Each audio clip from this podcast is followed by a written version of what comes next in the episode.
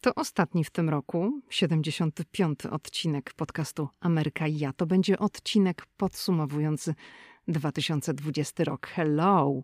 W ostatnich 12 miesiącach nagrałam 51 odcinków podcastu Ameryka i ja. To znaczy, iż w 2020 roku mieliśmy 51 wtorków, dlatego że każdy nowy odcinek pojawiał się tutaj bez względu na wszystko we wtorek, w każdy wtorek, tak jak obiecałam. Nie zrobiłam ani jednej przerwy, ani wakacyjnej, ani świątecznej, nic. No i muszę przyznać, że no w grudniu zaczęłam mieć wątpliwości, czy postąpiłam słusznie, bo od półtora roku nagrywam podcasty non-stop, każdego tygodnia, bez żadnej przerwy. I, I wniosek dla mnie jest taki, że jeśli chcę uniknąć tej przerwy, i żeby nie czuć presji, to muszę zmienić trochę system nagrywania, to znaczy nagrywać je blokami, za jednym razem nagrać trzy. To wymaga dużego przygotowania, ale tutaj muszę sobie trochę usprawnić ten cały system. I to zamierzam zrobić w 2021 roku, czyli usprawnić system. Ok, to teraz pogadajmy chwilę o statystykach. Podcast, co mnie bardzo cieszy, zaczął się rozwijać, nabrał przyspieszenia od początku roku, to znaczy od początku, jak tylko się pojawił półtora roku temu, no to z każdego odcinka na odcinek było coraz więcej odsłuchań, dochodzili nowi słuchacze. Od początku roku tego 2020 on rósł, ale takiego przyspieszenia naprawdę to dostał mniej więcej w połowie roku. I to znaczne nastąpiło tutaj przyspieszenie, i wy będziecie słuchać tego odcinka, to znaczy premiera odcinka tego jest 29 grudnia, po świętach, we wtorek oczywiście. Ja nagrywam ten odcinek dzień przed Wigilią, i do tego momentu, w 2020 roku, podcast Ameryka i ja odnotował ponad 570 tysięcy odsłuchań i pobrań, czyli ponad pół miliona. Mówimy o tych danych z 2020 roku, czyli to jest bardzo, bardzo dużo i bardzo Wam za to dziękuję, że słuchacie podcastu Ameryka i ja i że on dzięki temu się rozwija, a dzięki temu, że się rozwija, to powstają nowe odcinki. Dziś, podsumowując 2020 rok, przypomnę Wam kilka fragmentów odcinków podcastu Ameryka i ja z tego roku które wzbudzały w tym mijającym roku największy oddźwięk. Hej, tu Lidia Krawczuk, dziewczyna ze Szczecina, która wylądowała w Waszyngtonie. Ameryka mnie fascynuje, żyję w niej od ponad dekady i cały czas ją odkrywam. Podróż do Stanów Zjednoczonych była zawsze moim marzeniem. Nie sądziłam jednak, że w Ameryce kiedyś zamieszkam. Jeśli Ciebie, tak jak mnie, ciekawią Stany i chcesz wiedzieć o nich więcej, to jesteś we właściwym miejscu. Opowiadam tu o Ameryce, o życiu w Stanach i o tym wszystkim, co odkrywam podczas mojej amerykańskiej przygody. Zapraszam na podcast Ameryka i ja. Zaczynamy.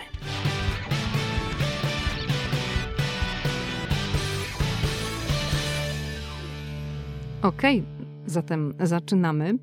Zaczynamy od odcinka numer 59. To był najtrudniejszy temat, który zrealizowałam do tej pory w podcaście Ameryka i ja, bo to były wspomnienia z 11 września. To była rozmowa z Leokadią Głogowską, która mieszka do dzisiaj w Nowym Jorku i która uciekła z 82 piętra WTC 11 września 2000 pierwszego roku. Ilość wiadomości i prywatnych, jakie dostałam od Was po tym odcinku, ilość komentarzy w mediach społecznościowych, reakcje, Wasze reakcje, mm, to jak mi pisaliście, że płakaliście słuchając tego odcinka, że czasami wzruszenie blokowało Wam gardło, że po prostu no, nie byliście w stanie wydusić słowa, że łzy same cisnęły się do oczu, zaskoczyła nawet mnie.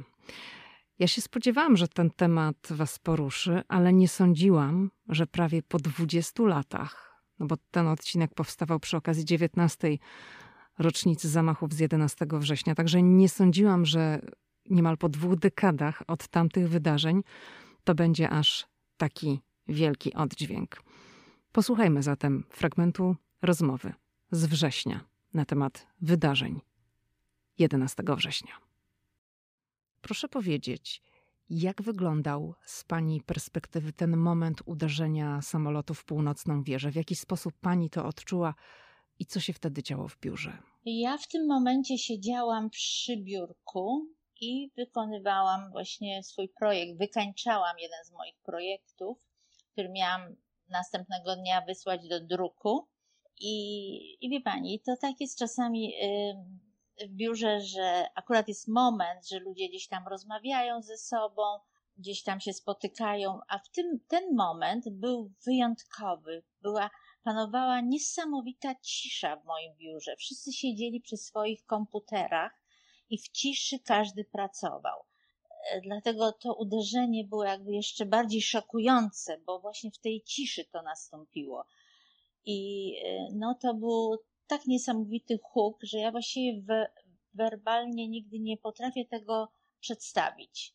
Dlatego, że e, to było coś takiego, jakby, jakby taki sztorm betonowy, który uderzył w wieżę z jednej strony i wieża się momentalnie przechyliła w jedną stronę. To trwało, trudno mi powiedzieć ile, pewnie ułamki sekund, ale dla mnie to było bardzo długo, dlatego że ja w tym momencie myślałam, że ona się wali na bok. I tylko pamiętam takie w ułamkach sekund, co zarejestrowałam, jak książki z naszych półek, z biblioteki leciały, czyli to było takie pochylenie, że wszystko się po prostu leciało z góry z półek. I wieża w tym momencie momentalnie się jakby odbiła i przechyliła się w przeciwnym kierunku. No i wróciła do pozycji wyjściowej. I, ja byłam przekonana, że to jest trzęsienie ziemi. I pamiętam, jak y, studiowałam wcześniej w Nowym Jorku i kiedyś na zajęciach właśnie z budownictwa lądowego, na zajęciach z fundamentowania, profesor nam powiedział, że gdyby w Nowym Jorku było największej skali trzęsienie ziemi, to jedyne budynki, jakie na pewno się nie przewrócą, to, to są wieże World Trade Center. I ja momentalnie to jakby przywołałam do pamięci to, co ten profesor mówił, że one się nie przewrócą, ale druga myśl, gdzie jest mój mąż, gdzie jest mój syn, gdzie oni są, czy są bezpieczni. No, więc to był taki, taki właśnie szok, niesamowity szok w tym momencie. A czy w biurze wybuchła panika, czy no jak to w Ameryce są procedury i, i wszyscy zaczęli się zastanawiać, czy należy zostać w biurze, czy należy wyjść? Zastosować się do procedur, które no zazwyczaj są tutaj ćwiczone wcześniej. Jak zachowywali się ludzie? Czy to pani podjęła decyzję, żeby się ewakuować, czy ktoś te decyzje podjął za panią? Właśnie my, jak mieliśmy nieraz takie szkolenia, przynajmniej ze dwa razy w roku były takie szkolenia. Ja już pracowałam w tym momencie, właśnie 11 września, to już było prawie 8 lat mojej pracy w wieży, więc już troszeczkę miałam tam doświadczenia w tym budynku. I właśnie przy takich szkoleniach to, to nas pouczano, jak uciekać, którędy do klat, klatki schodowe pokaza, pokazywano nam, gdzie są drzwi do klatek schodowych na naszym piętrze, ale właściwie nigdy nie używałam klatki schodowej, bo po prostu to było niepotrzebne. Natomiast y, w razie trzęsienia ziemi to słyszałam po prostu od kolegi mojego, który obok mnie siedział, a był, y, pochodził z Filipin i pamiętam jak on mi opowiadał, że jak jest trzęsienie ziemi, tam u nich na Filipinach często, to on mówi, że jest pierwsza rzecz, to albo się ucieka na zewnątrz, albo się chowa pod jakiś bardzo mocny, y, mocną konstrukcję, na przykład myśmy mieli bardzo mocne biurka, takie metalowe, to były jeszcze stare takie biurka w naszym, w naszym biurze. Także pewnie weszłabym pod to biurko. Gdyby nie fakt, że w tej samej sekundzie jeden z moich kolegów zaczął wrzeszczeć na całe biuro get out, right now, get out, czyli uciekać, natychmiast uciekać. Pamiętam tylko takie głosy gdzieś tam któreś kobiety krzyczały, oh my god, takie, takie, coś takiego tylko pamiętam i, i właściwie ta reszta to były, to były ułamki sekund. Ludzie zaczęli biec w stronę drzwi wyjściowych i ja tak samo. I gdyby nie ten kolega, gdyby on do nas nie krzyknął, to ja bym dzisiaj z panią nie rozmawiała prawdopodobnie, dlatego że na moim piętrze liczyła się każda minuta. I niestety nie było żadnych ogłoszeń. Prawdopodobnie, gdyby nie on, to my byśmy czekali na jakieś ogłoszenia, co mamy robić, bo tak nas e, szkolono, a niestety nie było żadnych e, ogłoszeń. No i ludzie, którzy pracowali pode mną na niższych piętrach, z wiele pięter właśnie pode mną nie wyszli, dlatego że czekali na jakieś ogłoszenia, które nimi pokierują, żeby, żeby wychodzić i w jaki sposób to robić. Także ja pobiegłam, pamiętam, do drzwi wyjściowych i już w holu, tej właśnie jak, jak się wychodziło z mojego biura, był dość duży hol, gdzie się szło do wind, i w tym holu, to już ten hol już był wypełniony czarnym, gęstym dymem. No i ja w pierwszej chwili y, myślałam, stanęłam właściwie w drzwiach, bo to była taka ściana dymu czarnego w drzwiach, więc ja stanęłam w tych drzwiach i się cofnęłam do tyłu, krok i pomyślałam sobie w tym momencie, to już koniec, nie wyjdę. Jak tutaj już jest taki dym, to, to, to już jest koniec. No, śmierć. I pamiętam, to jest ten taki, ten, te ułamki sekund, kiedy byłam tak przerażona i tak wystraszona, że będę musiała za chwilę umrzeć. No, nie potrafię tego opisać słowami, jaki to jest stres niesamowity. Tak, taki moment krytyczny, kiedy człowiek myśli, że to już jest koniec. No, jeszcze dwie minuty temu normalnie mogłam się śmiać, rozmawiać i po dwóch minutach mam umrzeć nagle. I to pamiętam, że to było tak dla mnie straszne, że ja w tym momencie jedyna rzecz, jaka mi przyszła do głowy, to zaczęłam się modlić i prosić Boga. E, właściwie tylko prosiłam o to, żebym umarła w, w ciszy, w pokoju, w sercu, żebym się nie denerwowała przy tym umieraniu, bo wydawało mi się, że już o nic więcej nie mogę prosić, tylko o to, żeby to był pokój, i tylko proszę pamiętać, że ja to mówię dość długo, a to były wszystko ułamki sekund, bo to były moje myśli, które mi przychodziły. To proszę powiedzieć, co sprawiło, że zdecydowała się pani pójść w ten czarny dym, który był w holu? Bo rozumiem, że ucieczka oznaczała, że trzeba było pójść w ten czarny dym. Przypomniał mi się e-mail, który dostałam od mojej siostry z Polski dzień wcześniej, to było 10 września. I to jest nieprawdopodobna historia z tym e-mailem, dlatego że y, ten e-mail dotyczył innego wypadku, który przeżyłam w windzie ekspresowej w mojej wieży, niecały miesiąc przed atakiem, dokładnie 15 sierpnia, miałam inny wypadek. Tego dnia wychodziłam na lunch około 12 w południe i kiedy wsiadłam do windy ekspresowej, bo proszę pamiętać, że żeby się dostać na moje 82 piętro, ja musiałam dwoma windami wjeżdżać i zjeżdżać. Najpierw ekspresową do 78 piętra, stamtąd była e, winda lokalna, która mnie zawoziła do, na 82 piętro. I, po, i zupełnie podobnie w, w odwrotną stronę. Najpierw tą lokalną do 78 wsiadałam do dużej windy ekspresowej, która mieściła wewnątrz maksymalnie 55 osób. Więc proszę sobie wyobrazić, jaka to, jest, jaka to była pojemność. I kiedy wsiadłam do tej windy, było nas 15 osób wtedy w windzie. To w tym momencie drzwi, jak się zamknęły, winda momentalnie zaczęła spadać. I był facet w tej windzie, który w tej samej sekundzie nadusił stop przycisk i ta winda w tej jednej sekundzie spadła 35 pięter. I to było, no nie wiem, czy, czy można sobie to wyobrazić, w ciągu sekundy spaść na wysokości 35 pięter. To było tak szokujące. I ja przez, później po, po jakimś czasie nas spuścili na dół, ja wróciłam, od razu poszłam do domu przez tydzień nie wróciłam do biura. Zadzwoniłam do mamy, do Polski, do Zielonej Góry i moja mama, e, jak usłyszała o tym wypadku, to pierwsza, pierwsza rzecz, jaką mi powiedziała, że nie powinnam więcej w tym budynku pracować. I ja e, e, mamę, żeby pocieszyć, to powiedziałam: Mamo, tylko podziękuj Bogu, że ja żyję, że wszystko będzie dobrze. Takie wypadki się zdarzają raz na 100 lat. I moja mama następnego dnia poszła do kościoła i zamówiła mszę świętą dziękczynną za mnie w Zielonej Górze. I ksiądz otworzył kalendarz i powiedział, że jedyny wolny termin, w jakim może odprawić tę mszę, jest 11 września. I no, dla mojej mamy ten dzień nic nie oznaczał w sierpniu. I oczywiście się zgodziła na ten termin. I kiedy moja siostra 10 września wysłała mi ten e-mail, to zapamiętałam takie zdanie, które napisała, że jutro idziemy wszyscy do kościoła, żeby podziękować Bogu za Twoje ocalenie.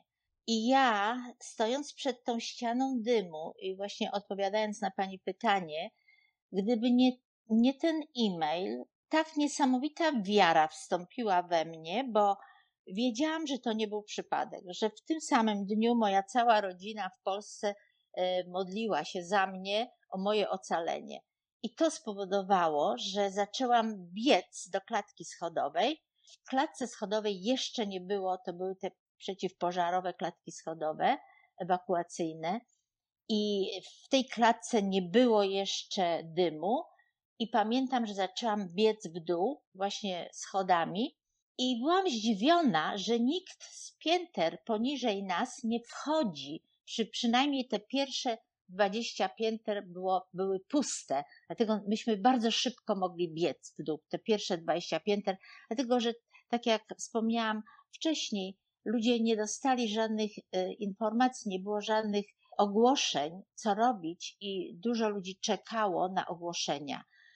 A my dzięki temu koledze zaczęliśmy tak szybko biec. Także dopiero gdzieś koło 60 któregoś piętra pamiętam, że wtedy dopiero zobaczyłam ludzi wchodzących do naszej klatki schodowej. Zaczęło się już robić troszkę gęściej na klatce schodowej, ale jeszcze w miarę szybko można było schodzić do 44 piętra. Tam był taki hol przejściowy, gdzie można było zmieniać windy na inne, na inne wysokości ekspresu, ekspresowych wind. I tutaj właśnie w tym punkcie służby bezpieczeństwa kazały nam wyjść z naszej klatki i przejść do innej windy. No i tutaj był straszny tłok w tym, w tym holu przejściowym na 44 piętrze. Tutaj też to trwało dość długo, zanim ja się dostałam do następnej klatki schodowej, bo to bardzo wolno szło.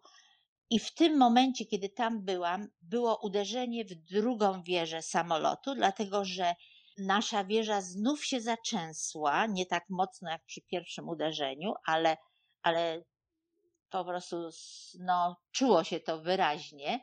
I proszę pamiętać, że myśmy nic nie wiedzieli, co się dzieje na zewnątrz. Nikt z nas nie miał pojęcia, co się dzieje. Jeszcze wtedy internet tak nie działał, ludzie nie mieli komórek z internetem. No, y, służby bezpieczeństwa miały zabronione, żeby nam cokolwiek mówić, dlatego że bano się, że, że będzie, że, że to spowoduje opóźnienie ewakuacji. Dlatego no, wszyscy na zewnątrz wiedzieli, łącznie z moją rodziną w Polsce, co się dzieje w, w Nowym Jorku, a ja, będąc wewnątrz, nic nie wiedziałam, aż do wyjścia na zewnątrz. To był fragment odcinka numer 59, rozmowa z Leokadią Głogowską. Odcinek numer 60, Życie na Alasce i rozmowa z Damianem Hadasiem. Z wiadomości od Was wynika, że o Alasce marzycie po prostu bardzo, albo po wysłuchaniu rozmowy chcecie na Alaskę się po prostu wybrać. Powiedz, jak zachować się w przypadku spotkania z niedźwiedziem? Mówiliśmy, że nie chcemy się spotkać z niedźwiedziem, nie chcemy takich kłopotów, unikamy takich spotkań, ale jeśli spotkamy niedźwiedzia na szlaku, to co robimy? I czy jest różnica, czy to jest niedźwiedź czarny, brunatny, grizzly? Jak się, jak się zachować? No to jest, to jest yy, tak naprawdę temat rzeka, o którym dyskutuje się na wszystkich forach, zarówno na Alasce, jak i pewnie w innych destynacjach, gdzie te niedźwiedzie żyją. Przede wszystkim taką zasadą numer jeden jest to, że y, staramy się tych niedźwiedzi unikać. To jest, to jest najważniejsza zasada, która oznacza mniej więcej tyle, że na szlaku zachowujemy się głośno. I to jest coś, czego nie wszyscy, w tym również ja, y, przybywając tutaj z Europy, gdzie na szlakach zawsze staramy się zachowywać możliwie cicho, nie ingerować w cudzą przestrzeń. Tak tutaj rzeczywiście Co na tych znaczy szlakach głośno? staramy się zachować, zachowywać głośno, czyli tak, y, zasada numer jeden. Spacerujemy zawsze w grupie. E, Generalnie e, wędrówki samodzielne są uważane za wędrówki niemądre, szczególnie wśród e, turystów, którzy niekoniecznie są z tą przyrodą e, naszą lokalną oswojeni. Więc podróżujemy w grupie, e, rozmawiamy ze sobą głośno. E, Lokalsi często śpiewają piosenki. E, Zawsze przy, plecaku mamy e, różnego rodzaju dzwoneczki. E, Ja przy swoim plecaku mam również gwizdek, który w razie czego mogę, mogę te, te dzikie zwierzę ostrzec, że być może zbliżam się w jego kierunku.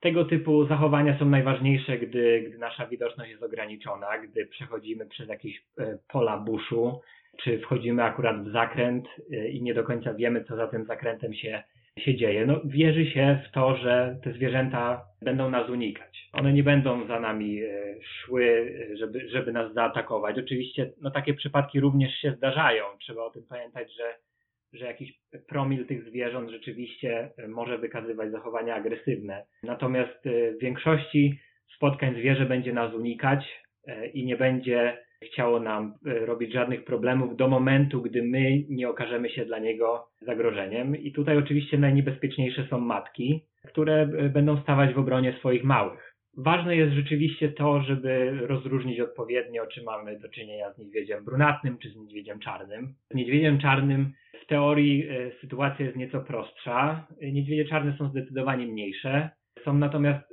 bardziej ciekawskie. I zdarza się rzeczywiście, że ten niedźwiedź zaczyna e, się nam przypatrywać, zaczyna e, może czasami iść w naszym kierunku. I tutaj najważniejsze jest zachowanie pełnego spokoju. Oczywiście łatwo się o tym mówi e, do momentu tak naprawdę Właśnie. takiej konfrontacji.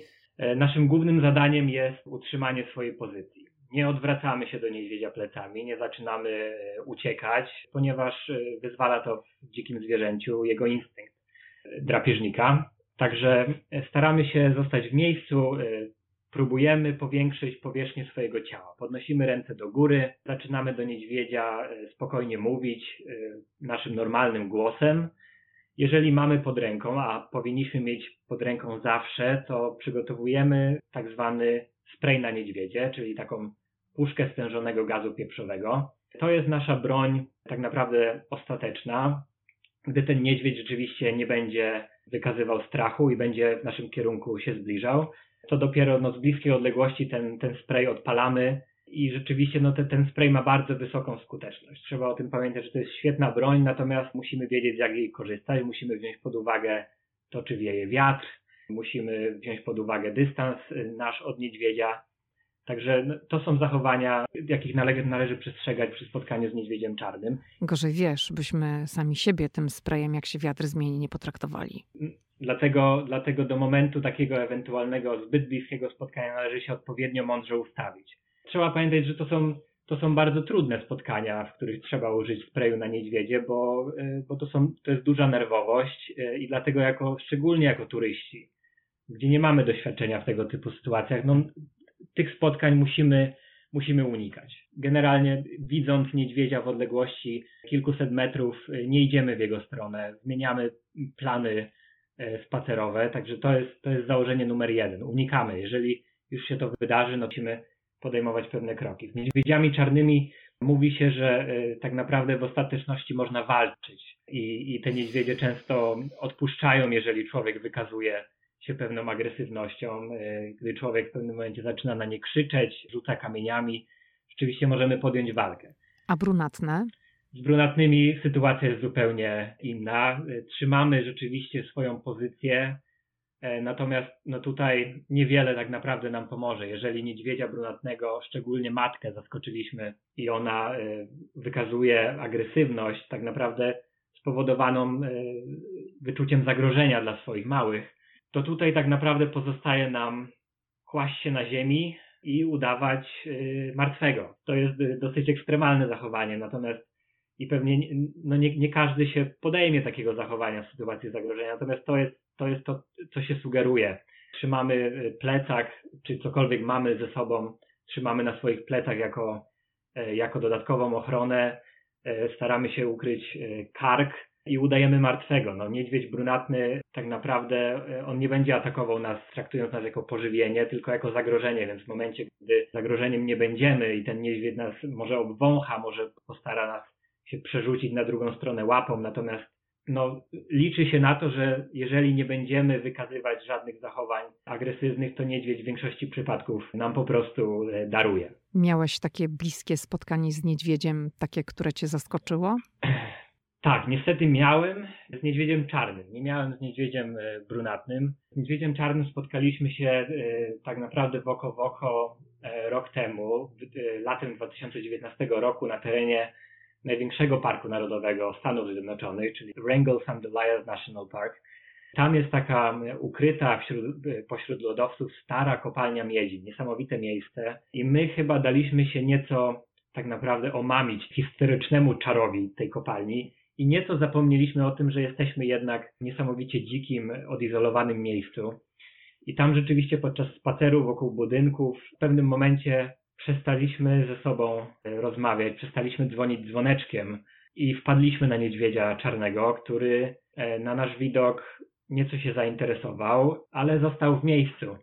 I tak naprawdę no, staraliśmy się wykonać wszystkie kroki, o których tyle razy słyszeliśmy, o których, o których tyle razy czytaliśmy w sieci, czy, czy, czy rozmawialiśmy na ten temat z, z miejscowymi. I rzeczywiście ten niedźwiedź po, po jakichś 30-40 sekundach stracił nami zainteresowanie i pobiegł, pobiegł do lasu. No natomiast były to dosyć długie sekundy naszego życia. Myślę, że Elizabeth szczególnie to spotkanie e, mocno odczuła i, i gdzieś zostało jej to w głowie, także do dziś, gdy chodzimy po nawet lokalnych parkach w mieście, no zostało już nas, w nas to, że tym dzwoneczkiem dzwonimy, aż rzeczywiście ten nadgarstek zaczyna nas czasami boleć, natomiast no, wolimy tych sytuacji unikać.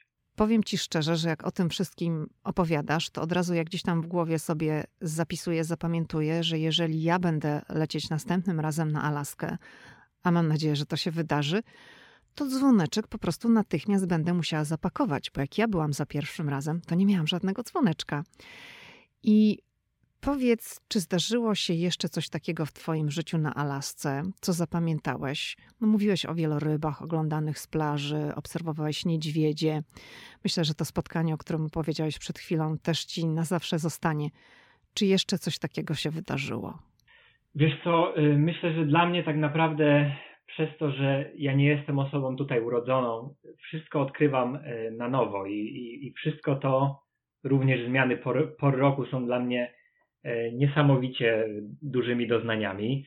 E, myślę, że, że, że takim, takim ciekawym doświadczeniem jest rzeczywiście ta pierwsza zima, którą się e, na lasce człowiek musi przetrwać. Ja pamiętam, że w momencie, gdy przeprowadzałem się na Islandię, mówiono mi, że właśnie takim pierwszym testem, czy, czy nadajesz się do życia na wyspie, jest, jest pierwsza zima. I muszę przyznać, że, że definicja zimy na Alasce, a definicja zimy na Islandii jest zupełnie inna. I rzeczywiście ta zima alaskańska to jest prawdziwy test. To są rzeczywiście regularne mrozy dochodzące do minus 20-30 stopni. E, to są e, bardzo ciemne noce. To są również oglądanie e, zorzy polarnej, jeżeli są do tego warunki. To są niesamowite festiwale zimowe, które, o których chyba człowiek, gdyby czytał, to nie potrafiłby sobie wyobrazić tak naprawdę klimatu, e, o jakim mówimy. I mam tutaj na przykład na myśli festiwal e, Furandi. To jest e, festiwal, który odbywa się w drugiej połowie lutego w Anchorage.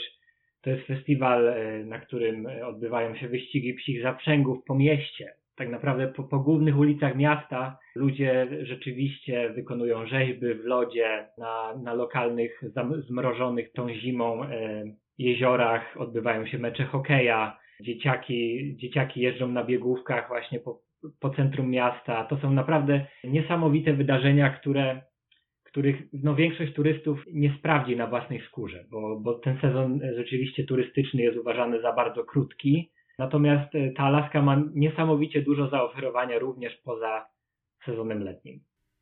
To był odcinek numer 60. Na marginesie chcę tutaj dodać, to jest bardzo ważna, myślę, informacja, że w styczniu pojawi się nowy odcinek z Damianem Hadasiem. Będziemy rozmawiać o zimie na Alasce. Już jesteśmy dogadani. E, także już dziś Was zapraszam na to spotkanie, na wywiad z Damianem Hadasiem. No i kolejny e, fragment podcastu, podcastu, którego premiera miała miejsce w 2020 roku i który bardzo, ale to bardzo przypadł Wam do gustu. To była rozmowa z Bożeną Jarnot, Polką, która od 50 lat mieszka na Hawajach. Jak to się stało, że pani zamieszkała na Hawajach? Ja wiem, że była najpierw imigracja do USA z rodzicami, a, a dopiero potem, kiedy pani już była samodzielna, dorosła, to przyszła decyzja o przeprowadzce na Hawaje. To może po kolei. Jak to było z imigracją, a, a potem jak to było z przenosinami na Hawaje? Miałam cudowną mamuśkę, która była pełna energii i wiedziała, że trzeba zmienić życie, przede wszystkim dać szansę na lepsze życie dzieciom. Miała brata, który kiedy miał 18 lat po wojnie e, wyemigrował do USA i był to taki moment w latach 60., kiedy można było łączyć rodziny, i mamuśka postawiła na jedną kartę, że wyjeżdżamy do Ameryki, do brata, tam na pewno dzieci będą miały lepiej. Było to bardzo ciężka pod górkę praca. Byłam świadkiem tego i pamiętam tyle jego elementów, taki moment, gdzie udało się od jakiegoś wspaniałego w rodziny przyszywanego wujka pożyczyć jakąś niesamowitą sumę pieniędzy, bo trzeba było przeżyć trudny czas w Polsce, taki jak tatuś musiał się zwolnić huty Stalowa Wola, żeby zapomniał sekrety państwowe, bo tam niby w hucie robili żelazka i inne elementy bombki na choinkę, tak naprawdę robili czołgi, tory, które szły bezpośrednio do Rosji. Więc musiał się zwolnić z tej huty i pracować w Tarnobrzegu przez dwa lata. Rodzina musiała jakoś sobie radzić, pięcioosobowa, żeby żyć. I pamiętam, jak mamusia przywiozła te pieniądze od wujka, rzuciła do góry. Chyba to było w tych czasach 100 tysięcy złotych. To było coś ogromnego i mówi, dzieci, bawcie się, bo nigdy w życiu nie zobaczycie tyle pieniędzy. Musimy za to przeżyć, kupić paszporty, bo paszporty zostały zdobyte kupując je po znajomości, nawet osoby się jakieś naraziły życiem, pracą, żeby nam te pięć paszportów w latach 60. dostarczyć. Pani wyjeżdżała z rodzicami i z rodzeństwem. Tak, było nas pięć osób. Ja miałam 13 lat, kończyłam siódmą klasę. To były jeszcze te czasy, kiedy tylko była siódma klasa. Miałam starszego brata i młodszą siedmioletnią siostrę. I całą rodziną to trwało wszystko prawie 10 lat, kiedy żyliśmy właśnie w takiej niepewności, czy to się w ogóle uda, ale moja mamusia powiedziała, że nawet żebyśmy mieli traktowcem czy na piechotę jeść do tej Ameryki, to tam musimy do, dotrzeć. No i udało się w 65 roku po właśnie takich różnych eskapadach, wymyślonych sytuacjach, jak zdobywanie pięciu biletów na batory, to też już się miało wszystkie papiery, prześwietlenia, ale nie było to prawie możliwe, żeby po kolei wszystko załatwiać, bo zawsze były jakieś kłody pod nogi, że było po prostu przeszkody takie, żeby się poddać. Czyli to nie był samolot, to był statek. Batory, tak, Stefan Batory, wielkie przeżycie, wyjazd ze Stalowej Woli pociągiem do Gdyni. Mieliśmy wagon rzeczy, bo Zabraliśmy wszystko włącznie z dywanem, obrazkami, kanką na mleko i żelazkiem, wszystko ze sobą, no bo mieliśmy tylko 5 dolarów od osoby na tą trasę, bo nie można było zabrać większej ilości pieniędzy, nawet żeby się miało komunistycznie, tylko tyle było można do przeżycia na statku.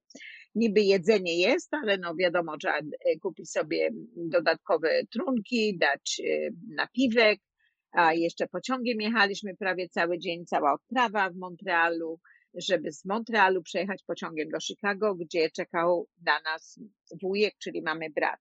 Ta emigracja była niesamowita, chyba jedno najbardziej pamiętne i doświadczenie życiowe dla każdego młodego byłoby to wyjątkiem, no, wielka przygoda życia.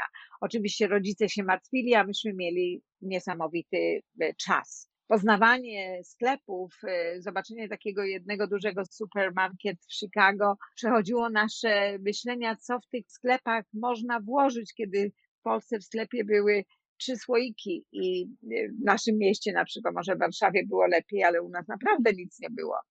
Więc y, była to naprawdę wielka mm, przygoda bardzo szybko dorosłam w Chicago. To wspaniałe pięć lat. Tam poznałam swojego męża. Mąż zostaje zabrany do wojska, do Wietnamu, ale w międzyczasie pobieramy się. A mąż był Polakiem czy Amerykaninem? Polakiem. W 1967 roku przyjechał do Ameryki i dosłownie dwa lata później tylko mając zieloną kartę, ale przez to, że był bardzo inteligentny, bardzo mądry, zaczął chodzić do szkoły, ale zdecydował, że jednak woli sobie kupić samochód, czyli iść do pracy i dostał pracę w Western Electric, zarobił pierwsze tam 5 tysięcy dolarów i wiadomo, młodzi ludzie, no jeszcze mając 17 lat, jak przyjechał do Ameryki, to wolność, po prostu fakt tego, że było go naprawdę na wszystko stać, no ale wiadomo, były to czasy wojny w Wietnamie, więc jak młody człowiek nie chodził na studia, to dostawał papiery do wojska. Więc y, byliśmy bardzo zakochani. Jeszcze zdążyliśmy przed wyjazdem wziąć ślub 3 czerwca 2070 roku. Wyjeżdża do Wietnamu i po roku w Wietnamie każdemu młodemu przysługują wakacje na ziemi amerykańskiej. Jako młoda żona przyjeżdżam zobaczyć go na tydzień do Honolulu. Czyli mąż powrócił na Hawaje z Wietnamu i pani poleciała na Hawaje, żeby się z nim spotkać. Tak, jest taki amerykański zwyczaj, że jak wojskowy jest na wojnie, rok czasu, to przysługuje mu tydzień wakacji na ziemi amerykańskiej. I może się spotkać z rodziną, może sam jechać do Japonii, może jechać, po prostu wykorzystać te wakacje jak chce. Jeżeli z rodziną się ma spotkać, to musi być na ziemi amerykańskiej. Więc najbliższe miejsce z Wietnamu do Ameryki były Hawaje. I tak jako młoda osoba, która znała tylko Hawaje z powiedzenia, o pojedziesz do Honolulu, nagle musiałam spojrzeć na mapę, gdzie te Hawaje są, jak daleko będę lecieć. Bilet wtedy kosztował 80 dolarów, tam i z powrotem, hotel 7 dolarów. Przyjeżdżam na te Hawaje, wychodzę z samolotu, zapach kwiatów, zapach palmy, powietrza, oceanu. Wtedy nie było rękawów, nie było, lotnisko było bardzo malutkie. Wrażenie, jakie ten moment zrobił na mnie, to chyba drugie takie same, które spotkało mnie, jak wylądowaliśmy w Chicago 4 lipca w 1965 roku. Poczułam niesamowitą ulgę i wiedziałam, że jest to jakieś magiczne miejsce, niesamowite miejsce. Przede wszystkim byłam jak gdyby w euforii. Nie mogłam sobie wyobrazić, gdzie ja jestem, co mnie otacza. Po, wiadomo, po Polsce pierwsze miejsce było Chicago, a po Chicago coś magicznego. Hawaje. Pamiętajmy, że wtedy Hawaje nie miały tych wieżowców wielkich, w ogóle były zupełnie inne bardziej naturalne, bardziej takie, no turystyka się rozwijała, ale jednak 50 lat zrobiło swoje. Czy to wtedy pojawiła się ta myśl, ja chcę zamieszkać na Hawajach? To był taki moment chyba bardziej jeszcze ważny, kiedy dostałam na szyję od wojskowego, który czekał może na jakąś inną osobę, bo tradycja Hawai, to jak przylatuje się po raz pierwszy, czy jak wita cię osoba, na którą oczekujesz, dostajesz girlandę kwiatów na szyję. Ten młody mężczyzna popatrzył, chyba on je dostał od kogoś i jak to mężczyźni nie lubią kwiaty na szyi, ściągnął i mówi, a chyba ty je bardziej potrzebujesz jak ja. I ten gest tego młodego człowieka, który założył tą girlandę kwiatów na szyję, z kwiatów tak wonnych, plumerii po prostu zawróciło mi w głowie i poczułam się, że jestem w raju, w miejscu, gdzie chcę zostać do końca życia. To był ten pierwszy moment. Już zaczęłam sobie knuć w głowie, że to jest możliwe, że można w takim momencie być jak gdyby uderzonym piorunem i nagle coś się w tobie zmienia. Oczywiście jeszcze magia tygodniowego pobytu z mężem na Hawajach, jak gdyby nasz honeymoon, czyli miodowy tydzień kończy się w ogóle wielką tragedią, no bo musimy się rozstać i on wraca do Wietnamu. Nie wiadomo, jaki wróci, zdrowy, cały, czy w ogóle wróci. Ale w moim sercu i duszy już były tylko Hawaje. Ja jeszcze zostałam kilka dni na Hawajach. Mąż wrócił zdrowy, cały, fizycznie tak, ale na pewno na 19-letnim młodym mężczyźnie, jak ktoś ma dzieci, to nie może sobie nawet wyobrazić, jaka jest to okropna drama, psychicznie, kiedy wiadomo, że taki młody mężczyzna spędził w dżungli na drzewie tyle dni, strzelając do młodych, do różnych osób, broniąc się. Jak napisałam w mojej książce, była to puszka pełna strasznych, trudnych dni, chwil przeżyć dla niego, która wzięła lata i chyba do dzisiaj jeszcze jest w jego podświadomości i go chyba z tego się nigdy nie da wyleczyć. Jedno, co stanęło nam wspaniałego, to te Hawaje na drodze i powiedziałam do męża, kochanie, to co przeżyliśmy na Hawajach, to musimy powtórzyć, bo ja się ponownie zakochałam. Kocham Hawaje i tylko tam chcę mieszkać. Jak chcesz być ze mną, to słuchaj, wyruszamy do Honolulu. Oczywiście dla niego też był chyba takie ulga, bo jednak wracanie do rzeczywistości, do tego szarego, trudnego, wielkiego Chicago, to było takim rzeczywiście trudnym momentem. Także mimo, że może nie wyobrażał sobie, co my będziemy robić na tych Hawajach, mówi, dobrze, jedziemy do tego Honolulu. Ja myślę, to była taka druga wielka emigracja w moim życiu. Byłam pełna entuzjazmu, pełna jeszcze naładowana tą energią, to, że mąż wrócił, to, że widziałam tak magiczne miejsce i ono jest w moim sercu. Wracamy na te Hawaje. Oczywiście ja już mam 300 dolarów, czyli jestem mądrzejsza, znam język amerykański, czyli angielski, e, mam męża, czuję się empowered, siła moja mnie po prostu rozpiera. Chyba bardzo dużo, bardzo dużo cech charakteru mam po mojej mamie, bo cały czas mam tą siłę przybicia z motyką na księżyc. Oczywiście. Czyli po prostu postanowiła Pani podbić Hawaje. Powiedziałam, że to jest miejsce, na którym chcę spędzić e, swoje życie. Wiadomo, będąc młodym, człowiek sobie nie wyobraża i może i lepiej. Tak jak każda emigracja ma swoje początki trudne, zostajemy na tych Hawajach, nie zdajemy sobie sprawy, że w Chicago płacimy za mieszkanie 75 dolarów, a tutaj 375 nikt nam nie chce wynająć. Dlaczego? Bo jesteśmy młodzi, nie mamy pracy. Wyobraź sobie, że muszę e, główkować, bo co osobę, mamy spotkanie, żeby wynająć mieszkanie, to zostajemy odrzuceni, aż wreszcie, mimo że on jest wojskowym, ale patrzą na nas, że my tutaj na pewno długo nie przeżyjemy. Zaczepiam obcą osobę na ulicy i mówię, słuchaj, zrób nam przysługę, weź, podpisz kontrakt za nas, tu jest mój mąż wojskowy w Wietnamie, bo inaczej będziemy na ulicy. No i rzeczywiście człowiek nam pomógł jako dorosły, on za nas kontrakt podpisał, bo inaczej byśmy nie mieli mieszkania. I tak, y, ja myślę, bardzo dużo rzeczy, które jak czasem człowiek mówi, nie da się zrobić, wszystko się da zrobić, ale zawsze druga osoba, drugi człowiek stanie na Twojej drodze i jakoś pomoże. To był odcinek numer 50. Pani Bożena Jarnot jest polskim konsulem honorowym na Hawajach. Jeśli chcecie poczuć lato, zapomnieć o rzeczywistości, no to wróćcie do tego odcinka, do odcinka numer 50. No i czas teraz oczywiście na odcinek, który podbił wasze serca. To jest rozmowa z panem Wojtkiem, który od ponad 30 lat mieszka w Nowym Jorku i który obecnie jest kierowcą autobusu, ale swoją karierę, można powiedzieć, zaczynał na nowojorskiej taksówce. Pan Wojtek tak ciekawie opowiadał o swoim życiu w Nowym Jorku i drodze do Nowego Jorku, bo ta droga nie była wcale taka prosta, zanim trafił do Ameryki, to musiał troszeczkę, troszeczkę poczekać i przeczekać ten okres we Włoszech. Także ta opowieść tak was zafascynowała i tak was porwała, że też zasypaliście mnie wiadomościami.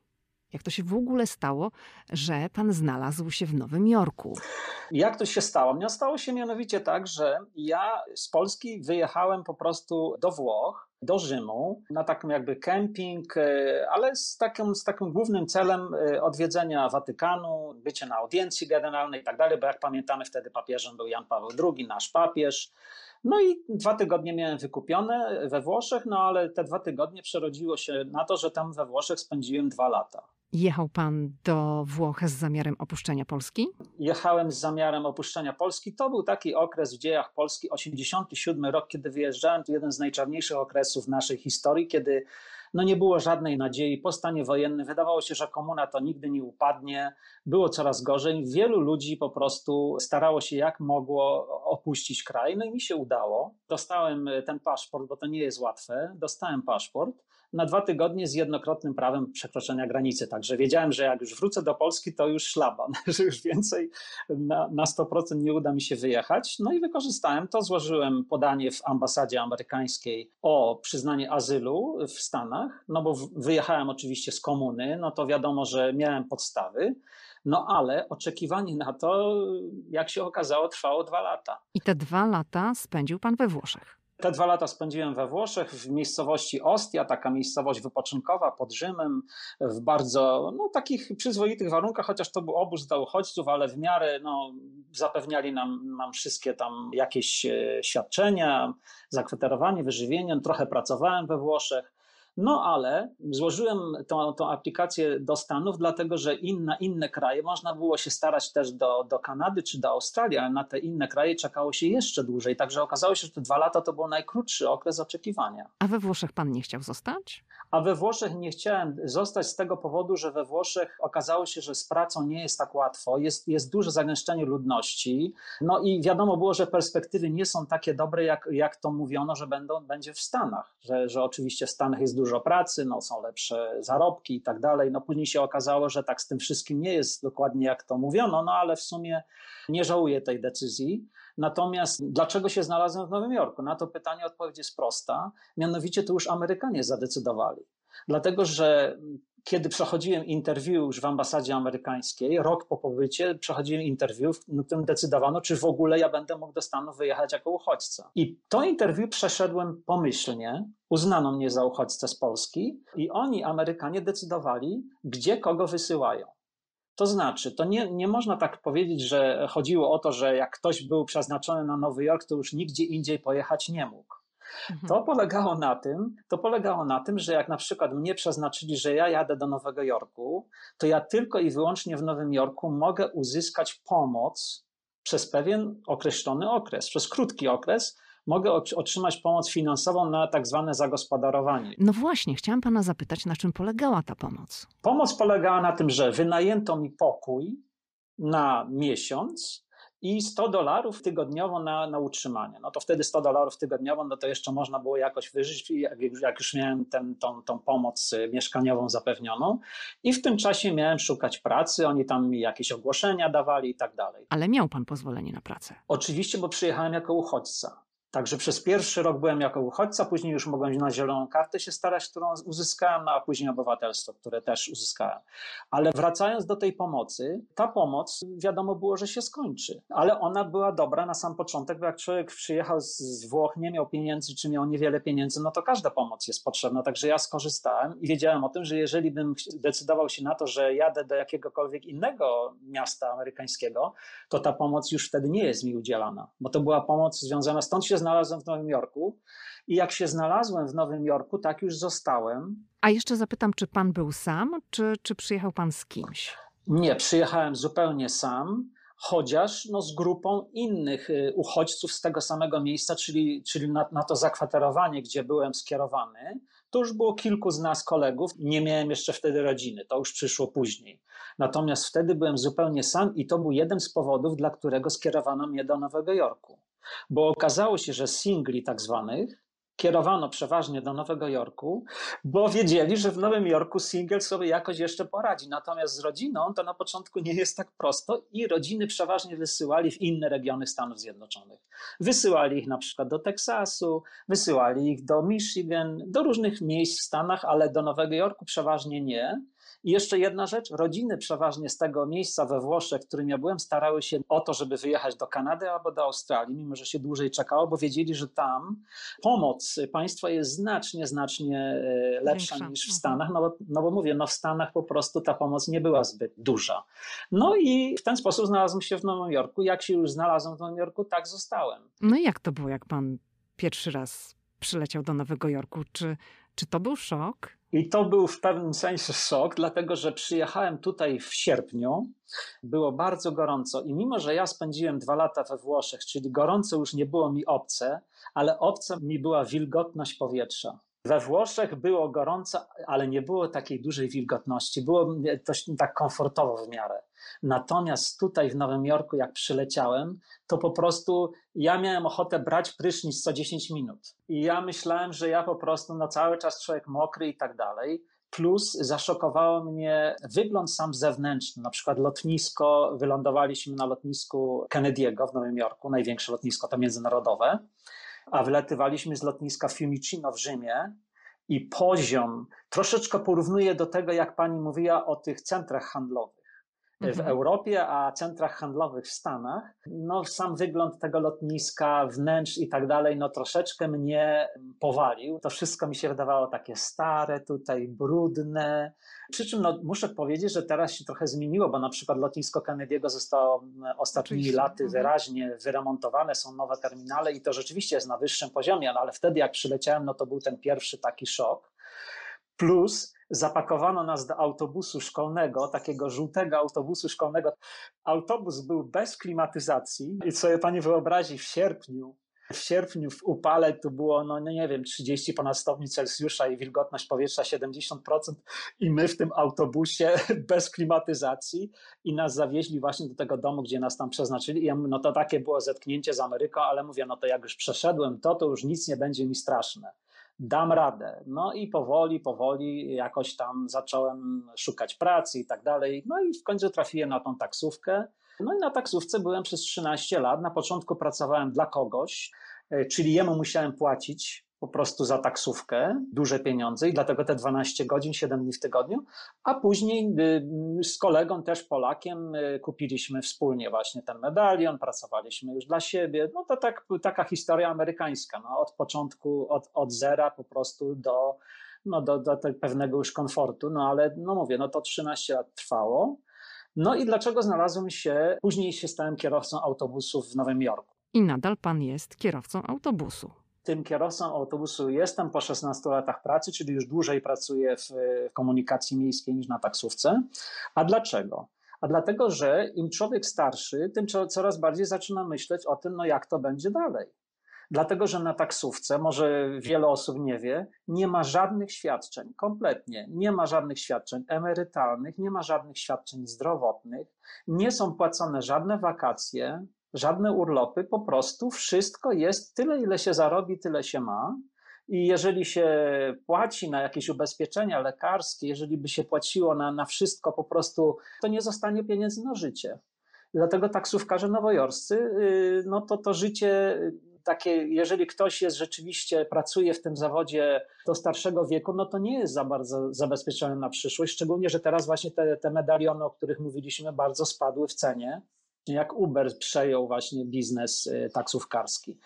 I zacząłem starać się o pracę właśnie w komunikacji miejskiej, dlatego że wiedziałem, że to jest raz, że ja lubię jeździć. No wiadomo, że cały czas jeżdżę przez całe życie i to jest y, rzecz, którą lubię. Nie lubię być w jednym miejscu, lubię jednak widzieć zmieniające się okolice i tak dalej. To mnie jakoś bardziej pociąga niż praca jakaś biurowa czy, czy w jednym miejscu.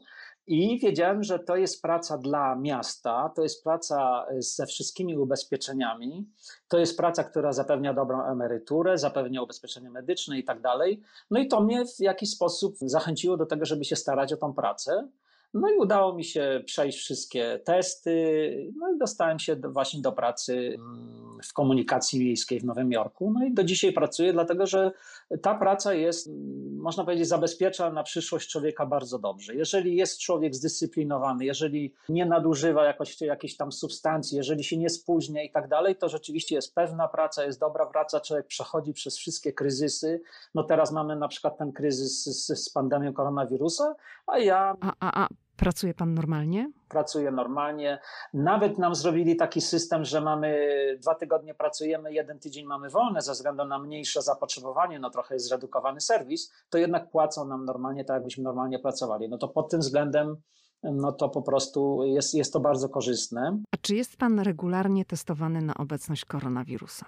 Jeżeli chodzi o, o, testowanie, to właśnie, no niestety w ogóle nie było na początku żadnych testów. Później e, robiono tylko testy takie tak zwane na antibodies, ta przeciwciała. I mm, ja taki test zrobiłem. Okazuje się, że mm, nie mam żadnych przeciwciał, czyli jak, jak dotąd nie przeszedłem tego, tej choroby. Mam nadzieję, że że już mnie nie dopadnie, bo trochę teraz się sytuacja poprawia. Natomiast y, no, firma płaci za to, ale tylko te testy przesiewowe, ale na początku nie zapewniono nam żadnych y, środków ochronnych. No, na początku to było tak y, wszystko prowizoryczne bardzo. No teraz jest trochę lepiej, się troszeczkę poprawiło. No ale jeszcze chciałem powiedzieć o tym, że jak trafiłem do pracy na autobusy, to ja nie miałem, nie decydowałem o tym, gdzie mnie skierują i mnie skierowali na Brooklyn. Cała rozmowa z panem Wojtkiem z Nowego Jorku to jest odcinek numer 47 podcastu Ameryka i ja. No i jeszcze jeden. To jest odcinek, który nagrałam wspólnie z moim mężem, Pawłem Żuchowskim. I to był odcinek na temat Florydy. Odcinek numer 44. Zaprosiłam Pawła dzisiaj do podcastu, ponieważ będziemy mówić o Florydzie. Teoretycznie mogłabym mówić sama na temat Florydy, ale nie byłabym w stanie opowiadać o jednym aspekcie Florydy, mianowicie o Florydzie w czasie huraganu, ponieważ ja na Florydzie w czasie huraganu nigdy nie byłam. Byliśmy wspólnie na Florydzie, rozmawialiśmy o tym, zanim usiedliśmy do nagrywania tego podcastu, jakieś 10 razy, ale Paweł był na Florydzie również w czasie huraganu i o tym opowie, ale to w dalszej części podcastu. Teraz chciałabym, żebyśmy zaczęli od tego, no może od tego, dlaczego właściwie lubimy Florydę i dlaczego tam ciągle wracamy. Pewnie dlatego, że jest to też takie miejsce, które jest najbliżej Waszyngtonu, jeżeli chodzi o fajne, ciepłe miejsce z fajnymi plażami, więc gdybyśmy mieli bliżej Może nie tak Kalifornii... bardzo blisko, prawda, bo są 12 godzin. No dobrze, ale pojechać. jeżeli pomyślimy o Kalifornii, to nie możemy sobie wyskoczyć na tydzień do Kalifornii samochodem. No nie ma. A na Florydę jest taka możliwość i no, chyba nawet na mniej niż tydzień zdarzało nam się wyskoczyć na Florydę, tak. żeby wygrzać cztery litery. Chciałam powiedzieć stare kości. Też e, można tak powiedzieć. Ale też wyjeżdżaliśmy służbowo na Florydę na kilka dni, choćby na wiec wyborczy Donalda Trumpa, kiedy to rozpoczynał swoją e, kampanię przed wyborami właśnie w 2020 roku. Bywaliśmy na Florydzie przy okazji startów wahadłowców. E, mm, lataliśmy na Florydę samolotem, ale też wiele razy jechaliśmy samochodem. Ja lubię jechać na Florydę samochodem, choćby dlatego, że po drodze widzisz, jak zmienia się przyroda pogoda, jak wyjeżdżasz z Waszyngtonu, jest zimno na przykład, jeżeli to było wiosną, tutaj jakieś tam tulipanki kwitną dopiero, a czym dalej na południe, tym już co, coraz cieplej, gdzieś jakieś palmy, już nie mówiąc o tym, że kiedy w okresie Bożego Narodzenia e, pojedziecie do Miami, to zobaczycie na palmach bombki, lampki to też naprawdę e, robi super wrażenie i jakoś tak nastraja do tych świąt zupełnie inaczej. No, kiedy też... widzicie człowieka leżącego na plaży i ma czapkę Mikołaja na głowie. No, ale też trzeba powiedzieć, że pojechaliśmy raz na Florydę. To był nasz drugi wyjazd na Florydę. Polecieliśmy, bo wtedy lecieliśmy samolotem. Nie dość, że przegapiliśmy e, samolot, to wtedy jak się pojawiliśmy tam, to było strasznie zimno. To miała być super zima, grudzień na Florydzie. Mieliśmy tam chodzić w krótkich spodenkach, w bluzkach z krótkim rękawem, a chodziliśmy w kurtkach. Rzeczywiście i pamiętam nawet, że szukałaś czapki na Florydzie, takiej no, Kupiłam zimowej, ją. bo pojechaliśmy nieprzygotowani. Faktycznie tak się zdarza. No, co jakiś czas słyszymy takie informacje, że jakaś fala mm, chłodnego powietrza nadciągnie na Florydę i nawet zdarza się, że zmarzną pomarańczowe drzewka. Ale ja pamiętam, że kiedy jechaliśmy w grudniu na Florydę, wszyscy mówili, ale macie fajnie, zazdrościmy wam, zobaczycie, będzie super, poleżycie na plaży, a my o leżeniu na plaży mogliśmy jedynie pomarzyć. Na Florydzie Przeszliśmy przykład, się tą plażą, ale to niestety tak. nie była pogoda na plażowanie. Ale pamiętam, niektórzy się kąpali w oceanie. No to już coś tam. Na Florydzie na przykład naprawdę. można kupić taką kartkę, e, którą można wysłać komuś w środku zimy. A ktoś jeszcze mm. wysyła kartki? Wysyłają jeszcze, tak. Myślę, że są jeszcze tacy ludzie, którzy wysyłają, bo jak popatrzysz, to wszędzie kartki są. Tutaj przynajmniej w Stanach Zjednoczonych. Ale pamiętam taką kartkę właśnie, która była przedzielona na pół. U góry właśnie piękne zdjęcie z Florydy, z plaży i jest tam napis to u mnie, a u ciebie i zdjęcie właśnie jakiegoś tam e, bałwana z szalikiem, tak żeby kogoś zdenerwować, wysłać mu taką kartkę, że u mnie jest pięknie i słonecznie, a u ciebie właśnie środek zimy. I takie kartki najczęściej wysyła się właśnie w grudniu, co oznacza, że mieliśmy po prostu pecha i no, wtedy akurat tak się zdarzyło. Wspomniałeś tak przez taką króciutką chwilkę o drzewkach pomarańczowych i chciałabym, żebyśmy zatrzymali się przy tym chwilę dłużej, ponieważ Floryda słynie z pomarańczy. To jest tak naprawdę amerykańskie zagłębie pomarańczowe i pomarańcza jest od 2005 roku e, oficjalnym owocem stanu. Według różnych źródeł na terenie stanu Floryda rosną ponad 74 miliony pomarańczowych drzew, no a sama Floryda jest e, drugim po Brazylii największym producentem soku pomarańczowego. I wielokrotnie, jak jeździliśmy na Florydę samochodem, to zatrzymywaliśmy się gdzieś tam po drodze, już będąc na terenie stanu Floryda, żeby sobie pochodzić wśród pomarańczowych drzewek i popatrzeć na nie z bliska. O, ja to uwielbiam. Właśnie kiedy się jedzie na Florydę i można sobie zrobić taki przystanek na takiej e, plantacji drzewek e, pomarańczowych i pomarańczy i popatrzeć na nie z bliska, to naprawdę się aż miło robi na sercu, zwłaszcza kiedy się jedzie wczesną wiosną, kiedy człowiek ma dosyć tej pogody tutaj waszyngtońskiej, kiedy jest pochmurno tutaj w stolicy Stanów Zjednoczonych, a tam piękne słońce i akurat zbiory. E, pamiętam, któregoś roku byliśmy właśnie na, w okresie tej przerwy wiosennej przed Wielkanocą i e, widzieliśmy całe ciężarówki tych pomarańczy. Akurat były takie pomarańczowe żniwa, mm, więc e, cała sesja fotograficzna oczywiście musiała się odbyć i myślę, że nie jesteśmy jedynymi osobami, które tak reagują. Przecież jak wjeżdża się mm, z Karoliny południowej, przepraszam, z Georgii, kiedy się wjeżdża z Georgii e, na teren Florydy, to jest nawet takie miejsce, to się nazywa takie Visitor Center, i tam No właśnie o to chciałam zahaczyć. O soczek, o soczek. Tak. Każdy chętnie się napije. Tak, i my zawsze się tam zatrzymujemy, bo no, ten soczek. Ja w ogóle uważam, że nie ma tak e, dobrego soku na świecie, soku pomarańczowego, jak sok z Florydy, sory no, nigdy mi się nie zdarzyło, bym piła lepszy sok pomarańczowy. Nie wiem, czy podzielasz moje zdanie. Ja nie jestem jakimś fanem soku pomarańczowego, ja ale, ale y, masz rację, on rzeczywiście jest bardzo dobry. Przy czym trzeba powiedzieć, że jeżeli ktoś chciałby na takiej e, plantacji zerwać sobie e, pomarańcze, e, to, nie, nie, nie. To, to może być zaskoczony wyglądem tych owoców, ale też właśnie tym miąższem w środku, bo w Polsce w sklepach, zresztą tutaj też, widzi się te takie piękne, wielkie mm, owoce, te owoce na Florydzie są mniejsze, może nie są takie smaczne, bo tych pestek, e, tego wszystkiego jest e, strasznie dużo, natomiast one mają bardzo dużo soku, stąd też ten sok jest taki perfekcyjny, jak mówią ci, którzy na soku pomarańczowym się znają. Chciałam tutaj jeszcze się na chwilę zatrzymać przy tym moim nie, nie, nie, bo to nie chodziło o to, że ja nie polecam pomarańczy z Florydy, tylko myślałam, że twoja wypowiedź pójdzie w troszeczkę innym kierunku, że tam po prostu nie wolno zrywać tak sobie od tak owoców. Tak? My się wielokrotnie zatrzymywaliśmy gdzieś tam przy tych owocowych sadach, no ale nigdy nie zrywaliśmy, no bo to jest cudza własność. Nie, ale jeżeli ktoś ma ochotę na takie owoce e, właśnie e, prosto z Florydy, to są takie e, przydrożne parkingi, stacje benzynowe. O właśnie, tutaj Florydzie, gdzie można sobie się, kupić. Zatrzymajmy się przy stacjach benzynowych, bo to jest bardzo ciekawe, bo to jest chyba tak naprawdę, no tylko na Florydzie się tak sprzedaje owoce przy stacjach benzynowych, prawda? E, w Georgii też, jak pamiętasz, można. No tak, kupić... ale tam brzoskwinie głównie. Tam brzoskwinie. Tam brzoskwinie, bo no, Georgia słynie z uprawy brzoskwiń z kolei i także z orzeszków, e, więc tam na stacjach można kupić Ziemnych. takie tak. owoce. Ale na Florydzie rzeczywiście na wielu stacjach są takie E, to się nazywa chyba Citrus Center, jak dobrze pamiętam. Chyba tak, chyba taka jest ta nazwa.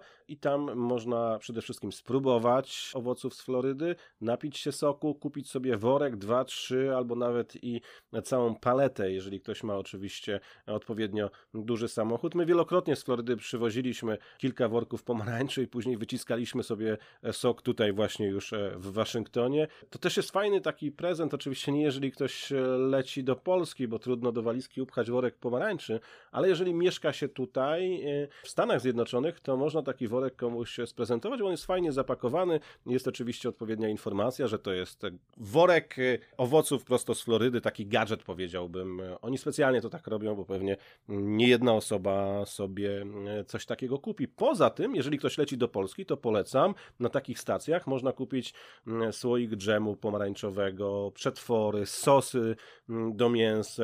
Na takich stacjach oprócz właśnie owoców świeżych można kupić w sklepach z pamiątkami, prawda? To można kupić. Tak, e, w sklepach z pamiątkami też e, takie przetwory można kupić. One są bardzo popularne i jeżeli będziecie lecieć do Polski, to rzeczywiście taki słoiczek e, pomarańczowego drzemu możecie sobie zabrać. Na pewno nikt nie będzie z tego powodu robił problemów. Co więcej, są także małe drzewka pomarańczy, cytryn, limonek, grejpfrutów również. I mamy takie drzewko na balkonie. Tak, i posadzić sobie na balkonie. My takie drzewko mamy od paru lat na balkonie i w tej I ono chwili... owocuje. W tej mhm. chwili tak, w tej chwili na gałązkach dynda chyba z siedem pomarańczy. Dynda. dynda. Bardzo mnie rozbawiło słowo dynda. tak, dynda sobie tam kilka pomarańczy. Mm, to się zgadza. Paweł, Powiedziałam na wstępie o huraganach i za chwilę chciałabym, żebyś troszeczkę opowiedział o Florydzie w czasie huraganu, no ale zanim przejdziemy do huraganów, to powiedzmy o, o pogodzie. Wspominaliśmy o pogodzie, która została nas w grudniu, która była dla nas wówczas pogodą zaskakującą, ponieważ spodziewaliśmy się zupełnie czegoś innego, ale tak ogólnie na Florydzie, zwłaszcza latem, to jest jak w szklarni z pomidorami, prawda? W upale.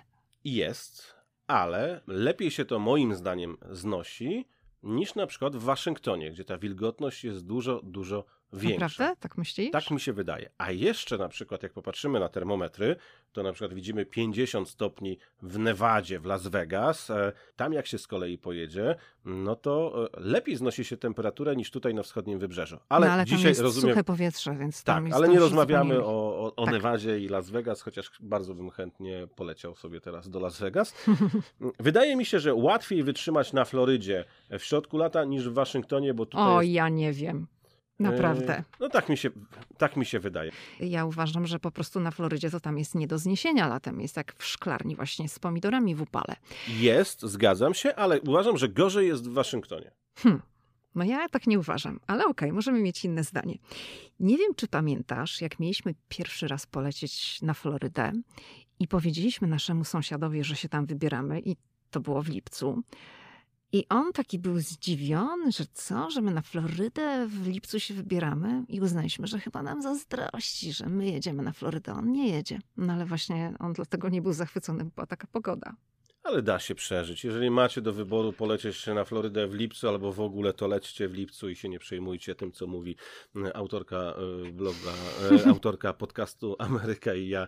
Wytrzymacie, będziecie mieli naprawdę fajne wspomnienia i będzie wam się naprawdę podobać. W sierpniu też dacie radę. No najwyżej trzy razy dziennie będziecie zmieniać koszulki. Włosy będziecie mieć, jakbyście ich przez tydzień nie myli, ale wrócicie naprawdę z wieloma fajnymi wrażeniami. Na pewno Zachęciłem?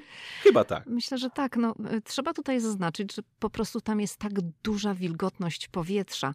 Na przykład, jeżeli się wywiesi ręcznik kąpielowy, żeby on wysychł, to on w ogóle nie schnie. Nie ma jak wyschnąć, bo po prostu ta wilgotność jest tak, tak bardzo duża. To prawda. Stali słuchacze podcastu wiedzą, że z Pawłem nagraliśmy w tym roku kilka wspólnych odcinków. Ten o Florydzie to był odcinek numer 44 i w przyszłym roku, 2021, no jak sądzę, będą nasze kolejne wspólne odcinki. Wybrałam dziś pięć odcinków. Wróćcie do nich, jeśli macie ochotę, albo jeszcze ich nie słuchaliście jakimś cudem. Powiem tak, rok 2020 był dla nas wszystkich trudnym rokiem z powodu pandemii. No nie zrobiłam wielu rzeczy, ale jeżeli mówimy o podcaście, to nie nagrałam kilku odcinków, które miałam w planach. To były, jak myślę, tak uważam, właściwie jestem pewna, bardzo fajne pomysły na, na te odcinki. Między innymi miały być to odcinki, podcasty z trasy. Chciałam nagrać z Pawłem wspólnie kilka odcinków z trasy, którą sobie zaplanowaliśmy po Ameryce. No ale niestety z powodu pandemii nie wyruszyliśmy w tę trasę. COVID nas zablokował i te odcinki nie powstały.